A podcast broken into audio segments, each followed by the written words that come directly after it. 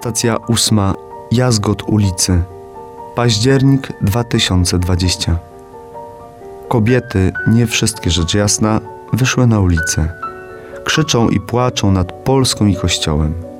Trudno im mówić Jezusowe, nie płaczcie nade mną, ale nad waszymi dziećmi, bo płód to nie dziecko, bo dzieci razem z nimi w głośnych i wulgarnych strajkach krzyczą niecenzuralne słowa, bo tak czują.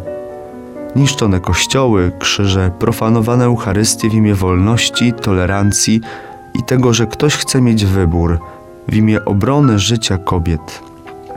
A że rani to chrześcijan, katolików, po prostu ludzi, to nie jest istotne.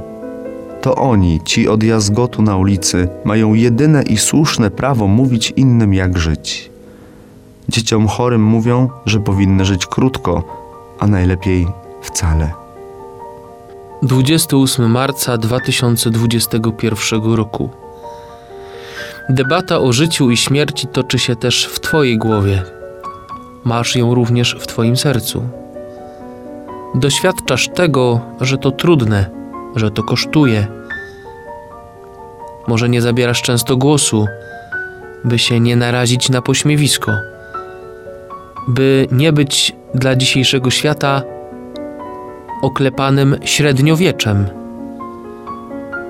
Dziś nie pyta cię uczestnik czy uczestniczka różnych ulicznych strajków, ale Jezus. Ten, do którego się modlisz, którego błagasz o zdrowie swoich urodzonych dzieci, wnuków, dzieci swoich przyjaciół. Ten Jezus pyta ciebie, co w głębi serca masz w sprawie życia nienarodzonych. Czy aborcja jest dla ciebie morderstwem, zabiegiem czy wyborem? Martwisz się dziś o pieski, kotki, chomiki, morskie świnki, a o kobiety z syndromem poaborcyjnym, które latami nie potrafią sobie wybaczyć. Też się martwisz? On jest i mówi: Ja jestem bramą owiec i przyszedłem po to, aby owce miały życie i to życie w obfitości. Pomódl się dziś za dzieci poczęte. Pomódl się za ich ojców i ich matki.